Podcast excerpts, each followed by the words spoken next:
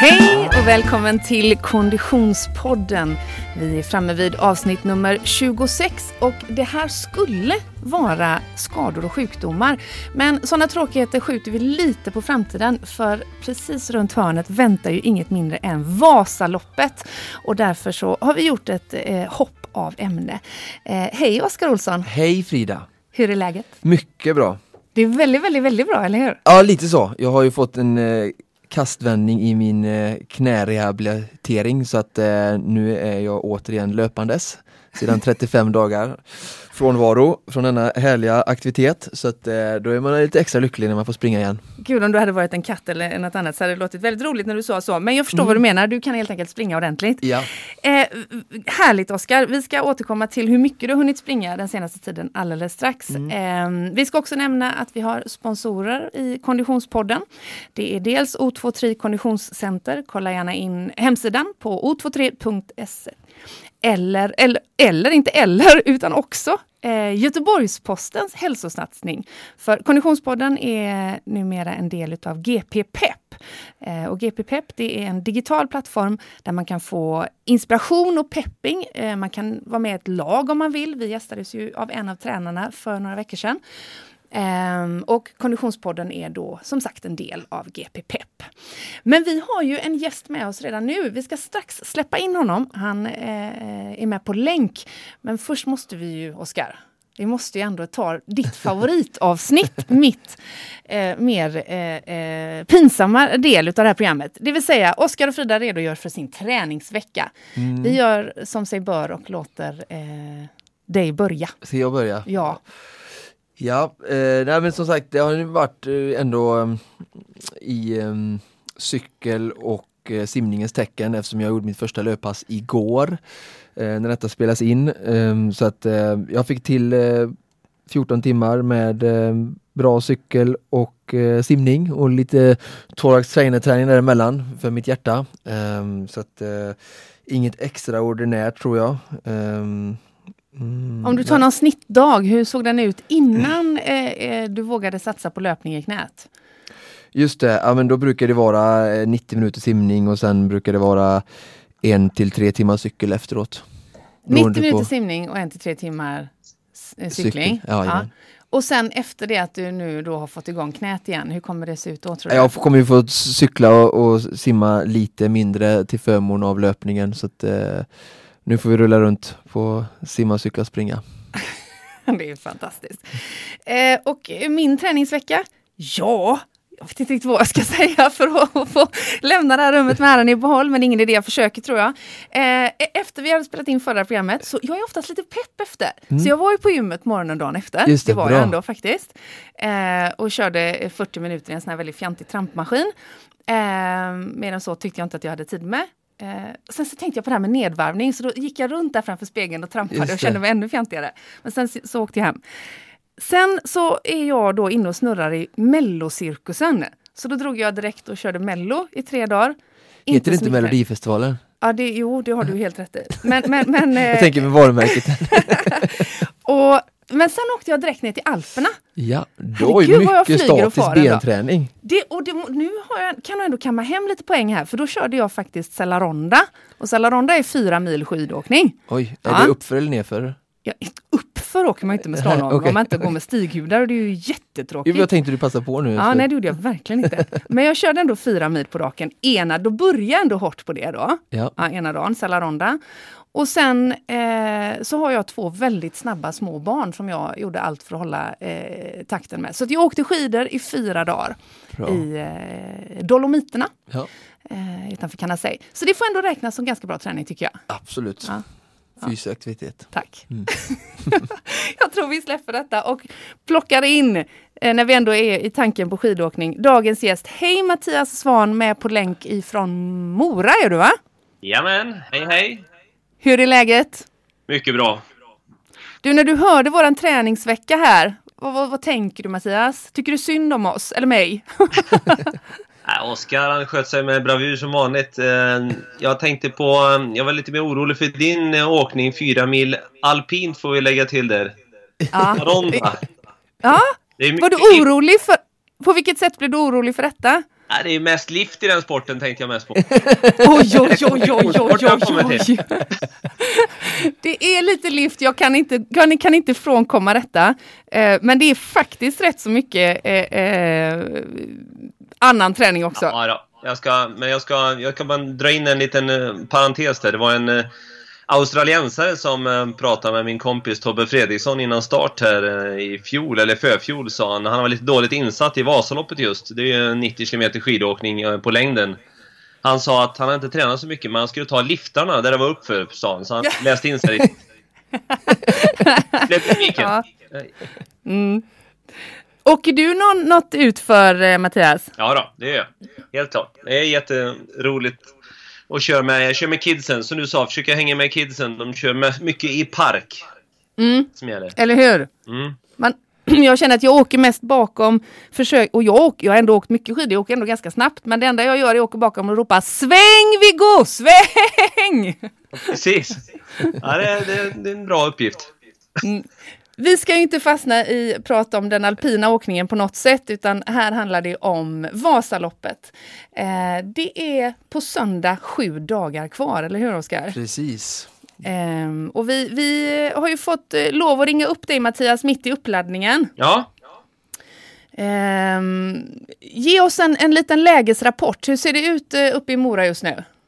Ja eh, det spöregnade igår. Verkligen regn. Men sen så övergick det som eh, tur var under eh, sen kväll här och mot natt mot en 5, 6, eh, 7 centimeter nysnö har vi här nu. Mm. På minussidan så det hänger lite snö i träden så det är bra. När det är så att det liksom regnar på kvällen, får du lite, sådär, lite lätt panik och, och sitter upp och tittar på dropparna tills de blir snöflingor? Jag går ut och jag ringer till alla grannar och ber att de öppnar kyl och frys så att... Nej, man får ju lite halvpanik. I februari vill man ju inte ha massa regn heller. Nej, Nej, Nej, såklart. det ska ordna upp sig mot eh, helgen verkar vara fint väder. Perfekt. Men du Mattias, du har ju ett eh, track record att vara stolt över i eh, Vasalopp-sammanhang inte minst. Eh, och den här omgången, likt tidigare år, kommer vi få höra din ljuva stämma som expertkommentator. Ja. Eh, men du har ju eh, minst sagt ett engagemang innan och kring också i form av Valla-service. Berätta vad det här är för någonting. Ja, ehm, vallning är ju någonting som jag har eh, gjort väldigt mycket som aktiv. När man eh, var aktiv skidåkare skötte mig mycket skidor själv. Och, efter min aktiva karriär så eh, har jag väl blivit eh, mer eller mindre känd som en eh, valla, valla, valla-kille. Så att, Valla guru. Valla-guru, ja ja. Nu ska vi inte ta i här, men jag kan väl en hel del om skidvallning. Så att ehm, en sån service eh, driver jag både i Mora och i Sälen som heter Vasasvan. Men om vi tar det här från början, för jag har ju åkt en hel del längdskidor för att jag tycker det är väldigt bra alternativ träning och jag har ju stått hemma med min eh, eh, styvfar Åkers alla burkvallor och det är blåa och röda färger åt alla håll och kanter. Eh, och eh, ja, när det, jag har ju oftast gått ut och tränat och eh, jag tycker det är ganska tråkigt att valla och det tar ganska lång tid så att när inte han har varit hemma så har jag bara gått ut och så gått på styrka eh, och stakat mig runt eh, de här olika platserna som har funnits i Västra Götaland eh, under vintrarna. Men ge mig eh, och lyssnarna lite mer eh, kunskap. Eh, vad finns det för olika vallor? Varför vallar man? Eh, nu har det kommit vallningsfria skidor, det tänker jag att det är väl jättebra. Eh, och eh, sen har vi det här med den anrika käran som vi hade på Vita Blixten i försvaret. Så att det är ju en hel djungel med olika typer av vallor. Och det var många frågor i en där Mattias. Ja, nej, men vi kan börja bena ut lite om, om skidvallning så är det ju tre zoner på skidan om man säger så. Spannet, det är alltså mitt under eh, foten, alltså nästan från hälen, knappt till hälen och 30-40 cm framför bindningen. Där har man ju fästvallan normalt då, om man inte väljer att staka som en del elitmotionärer eller elit gör numera. Då har man ju glid över hela. Men normalt sett så har de flesta fästvalla under skidan på klassisk skidåkning. Eh, och sen så, så är det ju en glidzon fram till och en glidzon bak till. Och eh, man börjar alltid med glidvallning då och får till det. Och eh, är skidan helt ny så jobbar man med flera lager, olika hårdheter i paraffinet för att få in mycket paraffin i belaget så att det ska gå lätt. Alltså minsta det här, ni har säkert åkt skidor och man känner att det suger riktigt, att det går eh, nästan som två glasskivor mot varandra och vatten emellan så det blir, suger fast riktigt och det vill man ju få så bra glid som möjligt. Och glidvallan är en del och sen så är det struktur, alltså eh, ett verktyg som gör ränder i skidan kan man säga, som leder bort vattnet. Eh, det gör man med glidsidan och fästsidan är ju någonting som man eh, jobbar i olika lager, ett grundlager ofta eh, och sen så flera olika lager, kanske fem, sex lager om det gäller burkvalla och två, tre lager om det gäller klister. Eh, klister använder man ju när det är riktigt blött ute eller riktigt isigt och burkvalla när det är som idag, det är nysnö ute då och färsk snö, då är det burkvalla flera lager säger du. Jag, jag, jag stod, stod och gned mina skidor där nere i källaren en gång själv och det var ju som ett lager, eller hur, hur skulle jag fått två lager? Ja, precis. Det är det som är en jättelätt tabbe i början, att man lägger ett riktigt tjockt lager. Jag glömmer aldrig de här två killarna som jag hade på skidläger och sen så tänkte jag att liksom en grundvaxburk, den brukar räcka ett par säsonger för en ganska aktiv skidåkare. Det var två killar som hade en halv burk kvar. När jag kom på morgonen, då var hela burken borta liksom. Tänkte jag, oj, vart tog den vägen? Någon som tappat den? Nej, de har lagt den på två par skidor. De, de åkte runt som de var... De körde skidor till han Björn Skifs Huggarshagga-låten. De körde, det högg ganska bra på de skidorna kan jag säga. Det blev för tjockt. Så det är ganska, ganska tunna lager och korka ut med en kork emellan. Aha. Mm. Men Ma Mattias, om, om man likt jag då eh, aldrig har vallat ett par eh, skidor i hela sitt liv, eh, mest beroende på att jag inte åkt så mycket längdskidor, men, men så, så jag har väldigt dålig eh, förståelse för skillnaden, även om jag hör vad du säger. Men om du skulle tänka dig att en, en eh, eh mer än vältränad eh, motionär skulle ställa upp i Vasaloppet med ett par skidor helt utan liksom, bra preparering i relation till att du skulle få sätta tänderna i dem innan. Vad skulle det liksom göra för skillnad? Kan man, kan man dra någon sån slutsats? Har man ingen riktigt pejling alls på skidor, hur långt man ska valla eller vad man ska valla med, så på ett så långt lopp som 9 mil skidåkning så det kan ju det kan ju göra en, en timme liksom. Det kan det säkert mm. göra på en... Eh, på, och om man har helt riktigt... Jag kan skilja på mer om man har riktigt helt felvallat och har rätt valla. Och på, om man säger så, för eliten så har de fel skidval, alltså fel struktur, alltså sen ränden i skidan som jag pratade om, eller fel valla, så har de ingen chans till seger. Så, nej, det är så. Inte en chans, nej. Så det är, det är viktigt, det är det. Sen vet det finns sånt här med olika spann, hur um hur får man reda på sånt spann? Jag vet att jag har stått på några skidor en gång och, och så det har med ens vikt och, och sådär att göra. Hur, hur funkar det? Det är tre parametrar när man mäter ut en skida. Så kan man säga att det är kroppsvikten, åkarens teknik och åkarens kondition. De tre sakerna spelar in hur hård skida du orkar åka på. Är det klister, eh, då har man en ganska hög skida. Alltså mm, den är en större båge på skidan kan man säga. Spannet är högre upp. För klistret är lite aggressivare fäste, mer fäste och det blir lite tjockare. Eh, och burkvalla, det är riktigt kallt ute, men ganska lågt och flackspann om man säger så. Så det är olika. Men den får man ju hjälp med i butiken om man nu väljer. Motionär har ju ofta ett par skidor. Mm. Medan Charlotte Kalla och de gänget kanske har 60-70 eh, par skidor. Oj. Oj! Gud vad krångligt kände jag genast. Men, men det finns ju anledningar till det såklart. Eh, men du Mattias, när eh, det här podden släpps så är det ett par dagar kvar tills vi har en vecka kvar till eh, Vasaloppet. På ja. söndag eh, är det en vecka kvar. Om vi skulle titta på eh, någon form av uppladdning. Ja. Hur, hur skulle vi vilja eh, ge för tips till våra lyssnare då? Vi har eh, eh sju dagar på oss och eh, om vi skulle ta någon form av uppladdning där, vad skulle vi, vad skulle vi eh, ge dem för tips? Ja, eh, det beror ju lite grann på vilken träningsbakgrund man har, ska jag vilja säga. Eh, sju dagar kvar. Om man är, ehm, om man är ganska aktiv person, alltså har tränat mycket, då skulle jag vilja ha precis bakom mig en period där man har tränat lite mer skidåkning och, och tränat mer överlag. Yeah.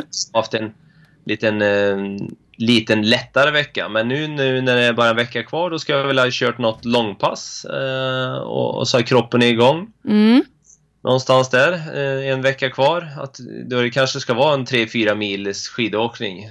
Just det. Åtminstone. Ja. Och, I, I lugn fart. Då. Ja. mm eh, innan vi går vidare på att se här varje, varje dag för sig. Jag måste bara fråga dig, du som är boende där uppe. Hur, hur, hur ser det ut för de flesta Vasaloppsåkare? När, när ansluter de? När kommer de till eh, eh på plats?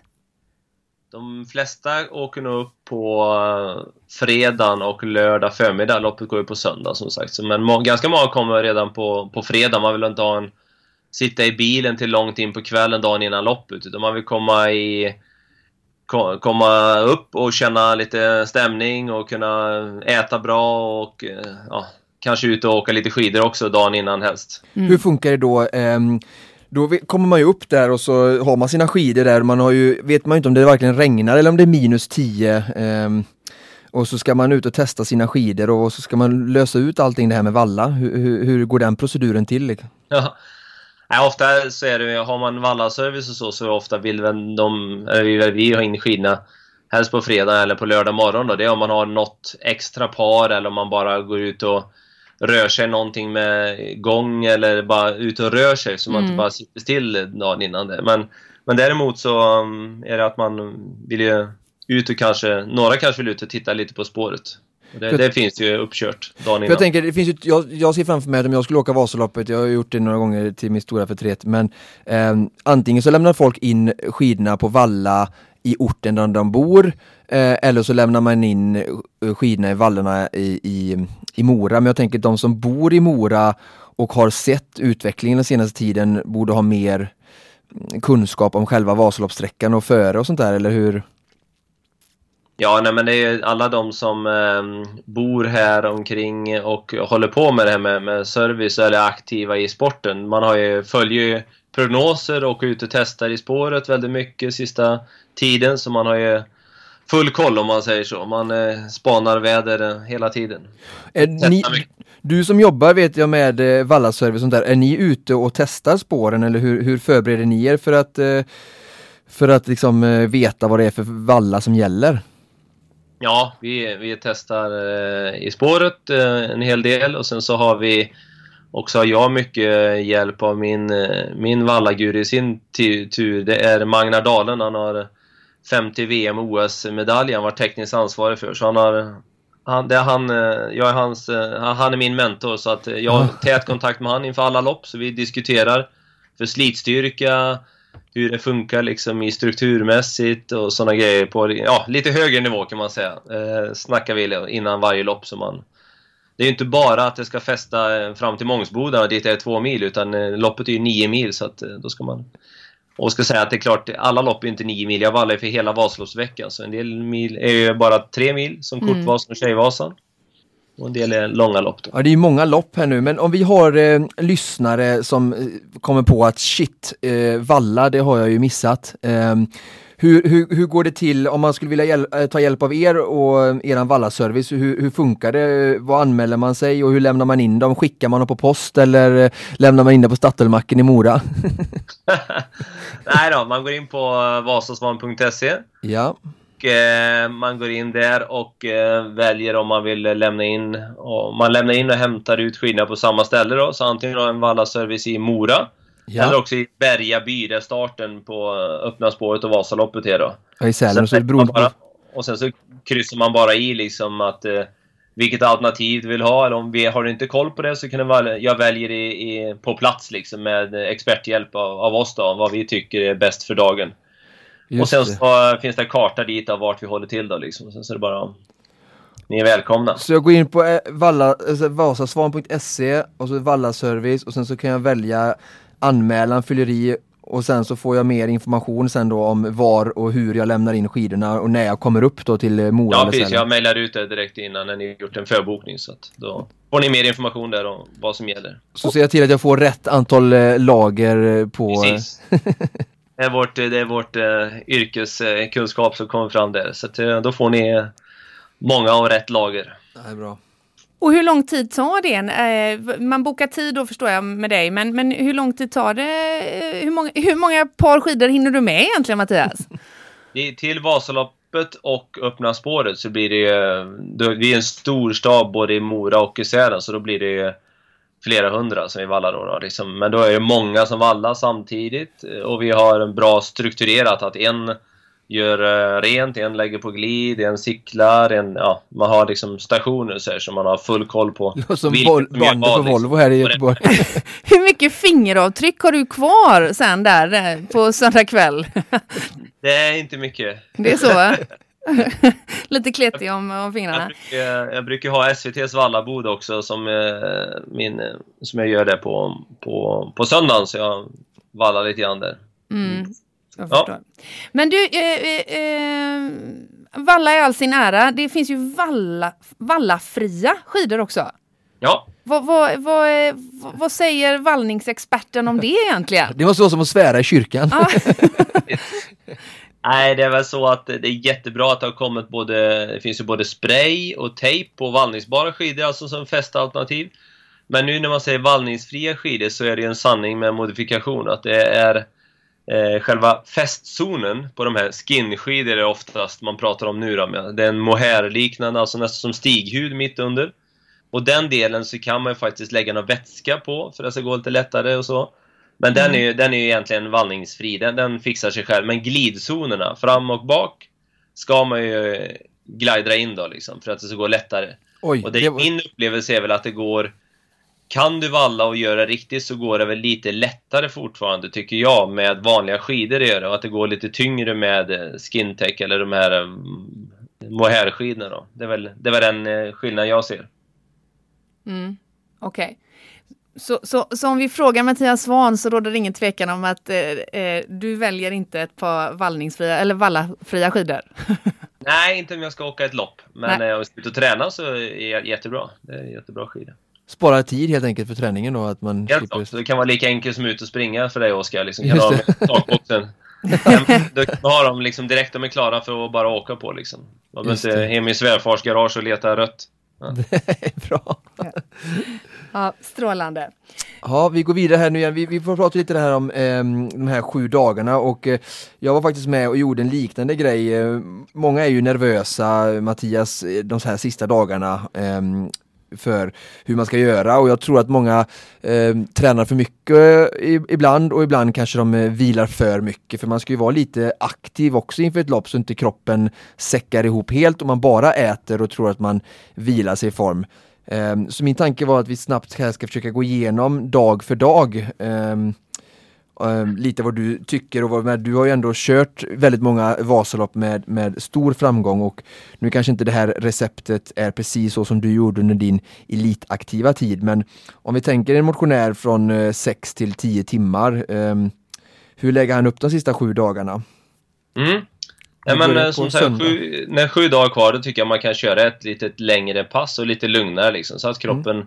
man får lite en bra, lite naturlig eh, tömning av kolhydrater och man får liksom en, eh, att kroppen är van att vara ute länge liksom. Man, man, man kör ett sånt pass när det är sju dagar kvar. 90 till 20 minuter kanske?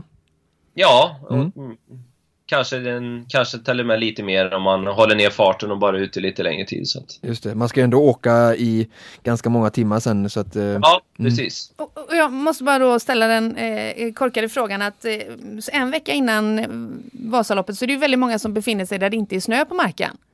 Tänker jag, som är i sina hemorter. Är det rullskidor som gäller för de personerna då? Eh, så nära skid, skidåkning som möjligt i, i arbete då, om det är rullskidor om man kör det, annars är skidgång, alltså springa eller gå med stavar. Eh, alltså stakmaskin är inte så jätteroligt i ett par timmar, men eh, någonting som är så likt som möjligt, helkroppsarbete liksom, ska jag vilja yeah. göra. Just det. Man kan stå och göra eh, squats med axelpress i en, två och en halv timme. Gud vad ja. roligt! bra. Ah. Och, sen ska jag tillägga det också att, till våra lyssnare att om eh, Mattias pratar om att man ska tömma på kolhydrater och sådär, så då är det bra om man kör det här passet på redan tomma eh, glykogennivåer så skulle man kunna göra det förslagsvis innan man äter frukost så är man verkligen helt eh, maxat tömd efter det passet och sen så börjar eh, själva påfyllningen sen då. Och då kommer vi till dag sex. Ja, precis. Ja. Dag sex. Eh, dag sex, eh, då har man kört ett lite längre pass och in, är man, kör man närmare 10 timmar kanske, 8-10 timmar, då, då kanske man inte normalt sett, alltså kanske man inte kör mer än tre eller fyra pass i veckan någonstans kanske. Nej. Eller två till fyra pass. Då tycker jag man ska träna ganska normalt. Alltså, har du, tränar du kanske varannan dag då, då tycker jag du kan vila Ja, dag sex. Vila dag sex. Ja. Bra, det var enkelt. Då får vi dag fem här. Bra. Köra någon slags intervallliknande, alltså höja pulsen. Det kan vara lite kortare pass eller runt en 45 minuter till en timma, men du ska hålla vad vi säger A2 eller A3, alltså mellan en lite snabbdistans och lite upp när du nästan börjar få lite mjölksyra. Ja, Där någonstans kan du hålla det en 45 minuter, en timma liksom. Och gärna så skidlikt som möjligt där också. just det. Bra, lite kortare intervaller, 45-60 minuter A2 till A3. Bra, och då kommer vi till dag fyra. Dag fyra, så eh, också stimulera kroppen lite grann genom eh, lätt, eh, lätt jogg eller testcykel eller någonting sånt. Eh, och sen så kör vi lite styrka, alltså mage, rygg och arm. Eh, för att få en liten muskeltonus, du får igång musklerna lite grann och du aktiverar dem. Och, och det behöver inte vara med några jättetunga vikter och så, utan mest kroppen som, som vikt. Med fler repetitioner och kanske kör 30 eller 40 sekunders arbete på mage, rygg och armövningar ska jag vilja trycka på. Precis. Och det kanske eh, kör i 20-30 minuter styrka någonting. Inget jättehårt utan. Det här är ju då alltså på onsdag är vi framme då veckan innan Vasaloppet och jag ser att eh, eh, min partner in crime Oskar sitter och antecknar samtidigt så jag misstänker att vi kanske kommer lägga ut den Ja, här, ja. Det eh, här blir ju, det här blir ju eh, Vasasvansbibeln för de sista sju dagarna för våra Vasaloppslyssnare här. Så att, eh, det är ju- Just det, så det här kommer väl att landa åtminstone på Konditionspoddens Facebook-sida misstänker jag. Men vi har avklarat onsdagen och då är vi framme på torsdag och folk bli lite nervösa misstänker jag. Ja, Eh. och det ska du ta bara mentalt och ladda in, tänka positiva tankar hur lätt det går i hela ditt lopp och allting känns frid och fröjd. Du tar ett bad och en massage och du bara gottar kroppen, får ta igen sig nu. Gud, det är Helt- min dag det här känner jag. Ja. Helt illa och det är en bra dag för dig det här. Härligt. Jag är jättebra på den dagen faktiskt. Så Ja. Där gör jag mig som bäst. Och här Torsdagen på där. eftermiddagen, Mm. på torsdagen, på torsdagen på dagen, eller i alla fall från eftermiddag framåt, så börjar man att tanka i sig lite grann eh, ännu mer extra kolhydrater. Man tänker pasta, ris, um, mjölmat, alltså bra, långt, låg, långsamt glykemiskt index så man håller blodsockerkurvan bra liksom och kör och ä, dricker mycket extra vatten också. Det börjar man med på torsdagen också. Då, just det, det är dag tre där. Mm, kolhydrater och vätskepåfyllning. Bra. Yes. Och fredagen, då ehm, skulle jag faktiskt vilja röra mig lite lätt. Alltså, alltså lugn distansfart. Alltså du ska ha du ska, prattempo. Du ska kunna prata med den du är ute och, och sportar med. Eller om du är ute och själv så ska du känna liksom att jag är, inte, jag är näst, nästan oberörd liksom, men du har ett eh, distanstempo. Det är kanske 45 minuter till en timme bara liksom. Du ska inte tömma dig på massa kolhydrater nu, utan, men du ska ändå vara igång en 45 minuter en timme. Att kroppen eh, rör sig. För det är bättre återhämtning faktiskt för kroppen att vara i lätt arbete än att bara sitta, sitta still. Bra. Skulle du säga Mattias att det är många som faller i fällan och tar ut sig lite för hårt här när det ändå är några dagar kvar, tänker man? Och så Ja, nu man... är det liksom ingen idé just träningseffekt. Man vill ju ha åt en superkompensation. Du tränar ju ner dig för att komma på en högre nivå när du startade på. Och börjar du då... All träning är egentligen nedbrytande som vare sig det är stress eller om det är träning eller all press för kroppen som är... Ja, det blir negativ stress där. Men så fort vila, mat och eh, ja, det bygger upp det och får den här superkompensationen. Och det hinner du inte få när du börjar tokträna på torsdag, fredag liksom. Mm. Nej, jag, jag, förstår att man, jag förstår att det är så. Jag misstänker att de allra flesta också förstår det. Men tror du inte att det finns en, en liten... Eh, eh, att, att man blir lite sugen på att ta ut sig lite mer, det, även om man har förståndet i det? Det tror jag många kanske kommer upp, de kanske har sportlovsvecka eller de kommer upp liksom eh, innan där också. Eh, och då får man ju, då är det lätt att man tar ut sig lite extra. Och har möjlighet när man kommer upp till snön. Precis. Ta lite försiktigt. Bra, eh, om vi ska avsluta här nu då. Nu har vi som sagt fått en väldigt bra tips här nu för sista veckan eh, och sen så kommer ju söndagen, den här anrika söndagen i mars eh, som jag råkar veta att eh, tack vare Google här att det var ju 1922 var ju eh, första Vasaloppet som gick för den som är intresserad av lite historik. Eh, men nu är det alltså dags här snart igen och om vi tittar lite på Mattias Eliten, jag vet ju att du har följt långloppskuppen där de bästa Vasaloppsexperterna huserar eh, under säsongen och eh, lite tankar kring eh, favoriter och lite taktik och deras upplägg och tankar. Du har ju själv varit där i hetluften. Ja, precis. Eh, jag ska bara klämma in, bara sista dagen, lördagen mm. pratar vi inte om. Vi tar en, en halvtimme, 45 minuter med bara lugnt arbete där också. Ut, ut och rör sig bara, ut och, så inte bara sitta still och äta. Och, och snacka lite taktik inne på Vallaservice kanske? Ja, precis. Ja. ja. men vad eliten gör, eh, och de, jag har ju full koll på dem. Jag har ju kommenterat långlopps, eh, Visma Ski Classic som eh, långloppscupen heter. Kommenterade nu senast nere i Jeserska i Tjeckien. Och eh, man följer ju formkurvan på de här åkarna eh, hela tiden från början av december. På damsidan, om vi börjar där, damerna först, så är det ju en eh, batalj mellan eh, tjeckiskan Katarina Schmutna och våran egen Britta Johansson Norgren. Som eh, har fått stryk två år på raken på Vasaloppet och senast i fjol var det lite, lite, lite olyckligt där att hon fick stryk precis innan upploppet också. Men eh, i år så eh, tror jag hon har gått och eh, laddat för det här lång tid. Men tyvärr, formkurvan har ju inte visat sig riktigt vara var, var den bästa. Sista, för hon har fått stryk eh, fem, fem stycken lopp på raken här nu av tjeckiskan Schmutna. Så men att jag då är det hennes tur. ha någonting i, i sleven här, i, i, i, i armvecket här, att ha något tricks att dra upp. Mm. Ja, jag, jag har pratat mycket om det, eller ni har gjort det under loppen också, man har tänkt det att eh, Britta borde, tänker man, ta henne i en, i en spurt eftersom Britta har ju faktiskt varit framgångsrik eh, sprintåkare i, i landslaget i, i, i traditionell skidåkning. Eh, men Smuttna har tröttnat ut henne innan upploppet. Ja, ja precis. Jag tycker att Britta har ju det också försökt olika taktiker, både att försöka dra sönder Schmutna, liksom dra hårt innan.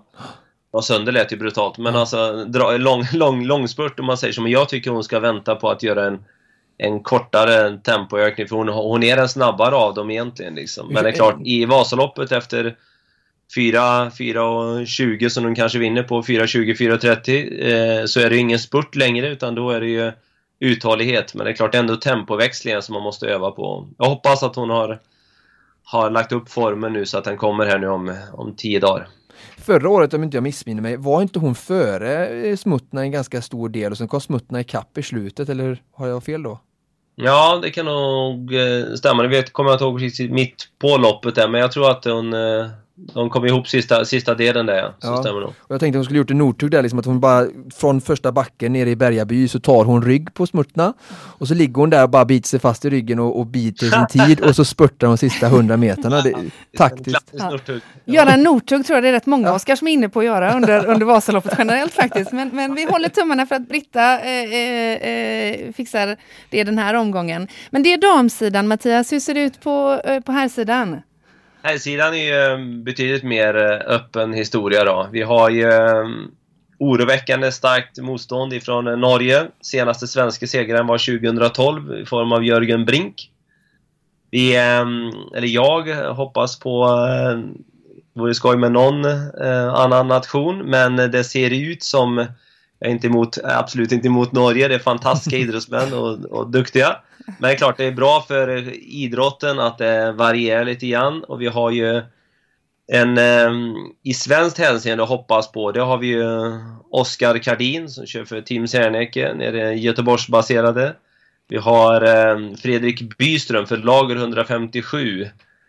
Eh, och även en annan åk åkare som Marcus Ottosson för Lager 157. De tre svenska hoppen får vi nog kanske stå oss till på, på Vasaloppet. Eh, om jag skulle tipsa några svenska. Men då, då pratar vi om jättebra om de killarna kan vara topp 5 eller på sin höjd. Om man får in en, en, en pallplacering är ju kanon. Men seger, då tror jag vi har någonstans där Tordars Gärdalen, Peter Eliasen eller Jon Christian Dahl. Vi har en tre norrmän där som är fantastiskt duktiga på det. Och för övrigt så ligger de eh, topp tre nu i den totala sammanställningen också ser jag. Så att eh, det verkar inte helt orimligt att de ska kunna vara där. Nej, nej, men de, är, de har visat under många år också och eh, typ eh, Jon Christian Dahl som också är från sprintsida, han är fantastisk duktig i spurt, för ofta har det varit klungspurt på Vasaloppet.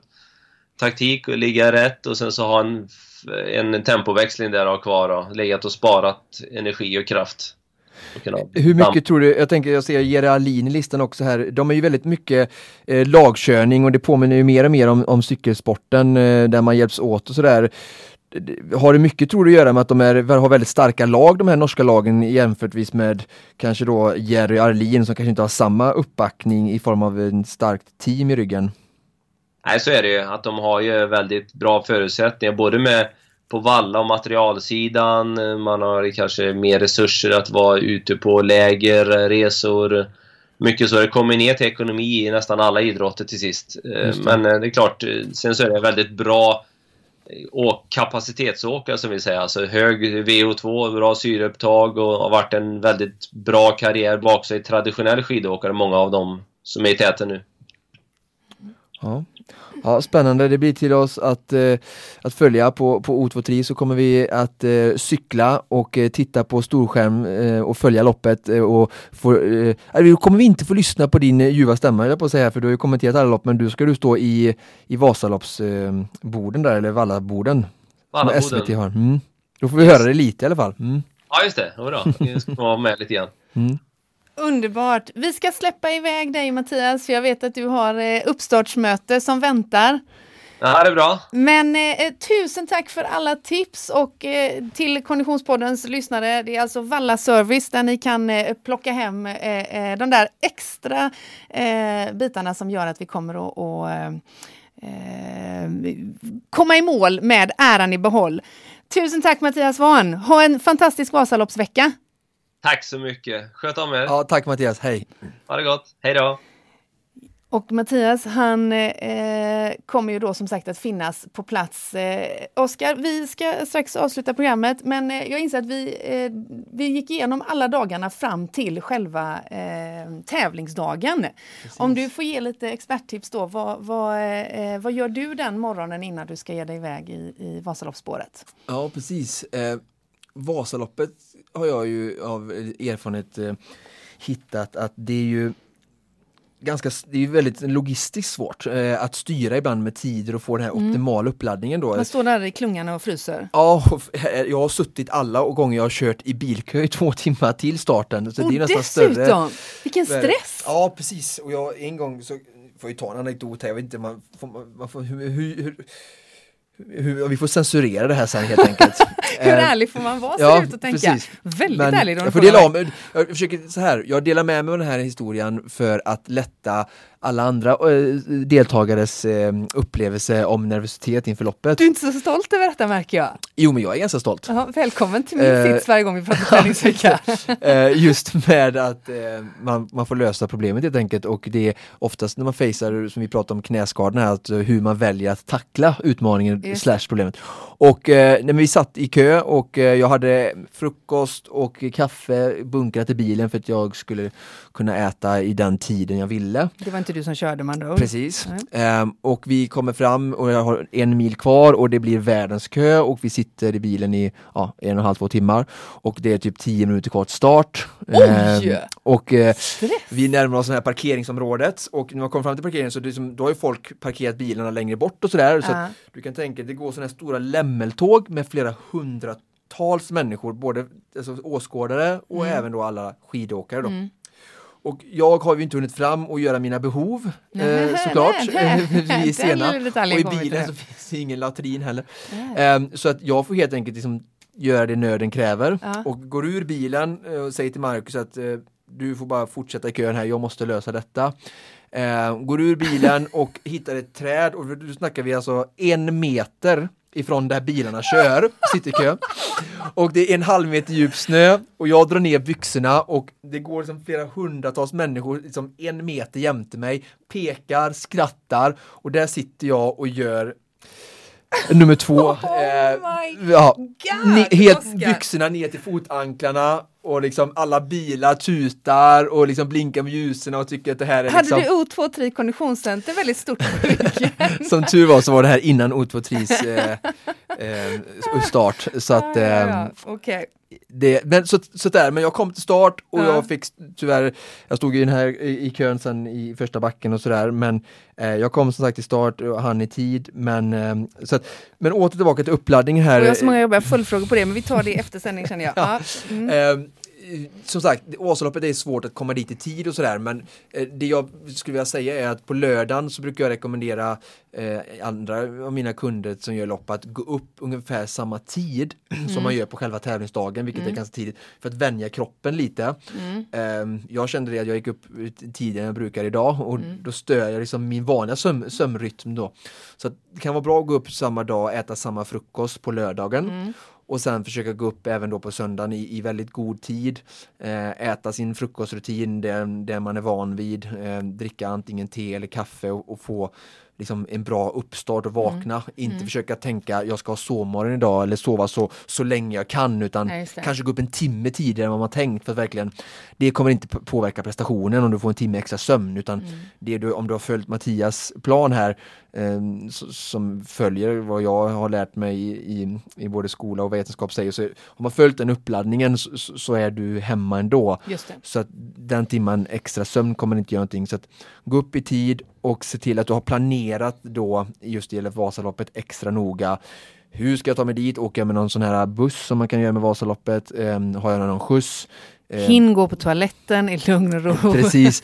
Så, att, så att målet ska ju vara att vara i starten kanske vid sex skulle jag säga. Eh, Och, och, och då får man liksom försöka ta reda på vad- vad det krävs att åka ifrån där man befinner sig för att alla är ju utspridda i hela Dalarna känns som i, i boende då och jag skulle säga att det bästa stället att bo om man har, ska ha chans att påverka detta nu så är ju det i Sälen. För då kommer man från rätt håll. Just det. 95% av alla deltagare kommer från Malungshållet och från Falunhållet. Och det är där köbildningen är. Och eh, skulle det vara kö i backen ner från Sälen så kan man ju i princip gå Just till starten det. därifrån. Ja. Så, så mitt tips är att försöka, man kan dagen innan, ta sig till andra sidan starten, alltså norr om starten. Kan man passa på att köra en afterski på högis eller någonting? Eh, Nej jag skojar bara, förlåt. Ja, ja. Ja, nej men Så att ha den morgonrutinen klara, hur transporten dit och sen ät en, frukost som du är van vid och ätit förut. Ehm, hur pass sugen är Oskar Olsson på att eh, inte befinna sig hemma i Göteborg eh, på söndag om en vecka utan egentligen vara på plats? ja, extremt eh, sugen på att befinna mig i Mora eller Sälen. Eh, jag älskar skidåkning, jag är en skidnörd och konditionsnörd och är ju väldigt sådär med traditioner och tycker det är en fantastisk svensk tradition och eh, eh, hade jättegärna stått på startlinjen där i startled 1 eller 2 eh, och fått kötta ur allting jag har i mage och armar. Men nu, blir det, nu blir det på hemmaplan den här gången. Mm. Ja, vi följer från Otvo med några tappra cyklister som ska få trampa ur fyra ben tillsammans med eh, eliten då och följa reportaget, eh, eller det. sändningen så att säga. Mm. En kul träningsform som jag tror att många eh, träningscenter eh, plockar upp eh, den Ja, söndagen. faktiskt. Vasaloppsspinning är ju väldigt eh, vanligt och Mm. mycket fin, trevlig tradition tycker jag. Och till våra Konditionspodden-lyssnare som eh, förhoppningsvis ska åka Vasaloppet 2017 säger vi all lycka till och hoppas Hoppas att det här eh, programmet, det här avsnittet av podden gav dig en extra skjuts på vägen. Eh, nästa vecka släpper vi det avsnitt som heter nummer 27 och eh, då blir det fokus på skador och sjukdomar. Vi hoppar lite i tiden och ger tips om hur man kan hämta hem efter en skada eller sjukdomsperiod. Men det här var allt för idag. Konditionspodden det produceras utav Freda, Connecting Friends with People. Jag som heter Frida säger tack och hej. Hej då Frida!